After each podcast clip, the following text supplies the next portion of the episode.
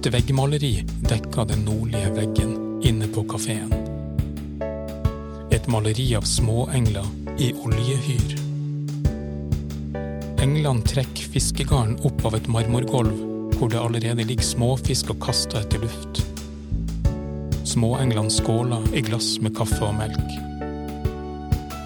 Veggmaleriet vises godt gjennom vinduene. Om sommeren sitter vi stort sett ute alle sammen. Om vinteren trekker vi inn. De som ikke er stamgjester, trekkes inn av veggmaleriet. Det er malt rett på veggen og blir der til det smuldrer eller til noen maler over det. Ingen kan ta det med seg noe sted. Bak en disk i maleriet står en bister og dehydrert mann. Han serverer kaffe og melk til en av småenglene. Han har på seg hvite hansker og rød bowlerhatt.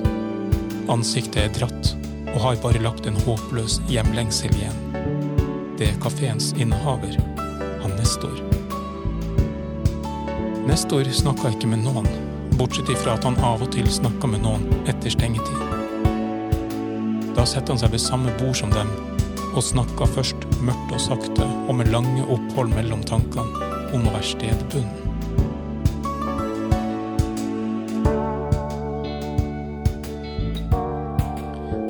De som har hatt en slik nattlig samtale med Nestor, vitner om at han har et rikt register.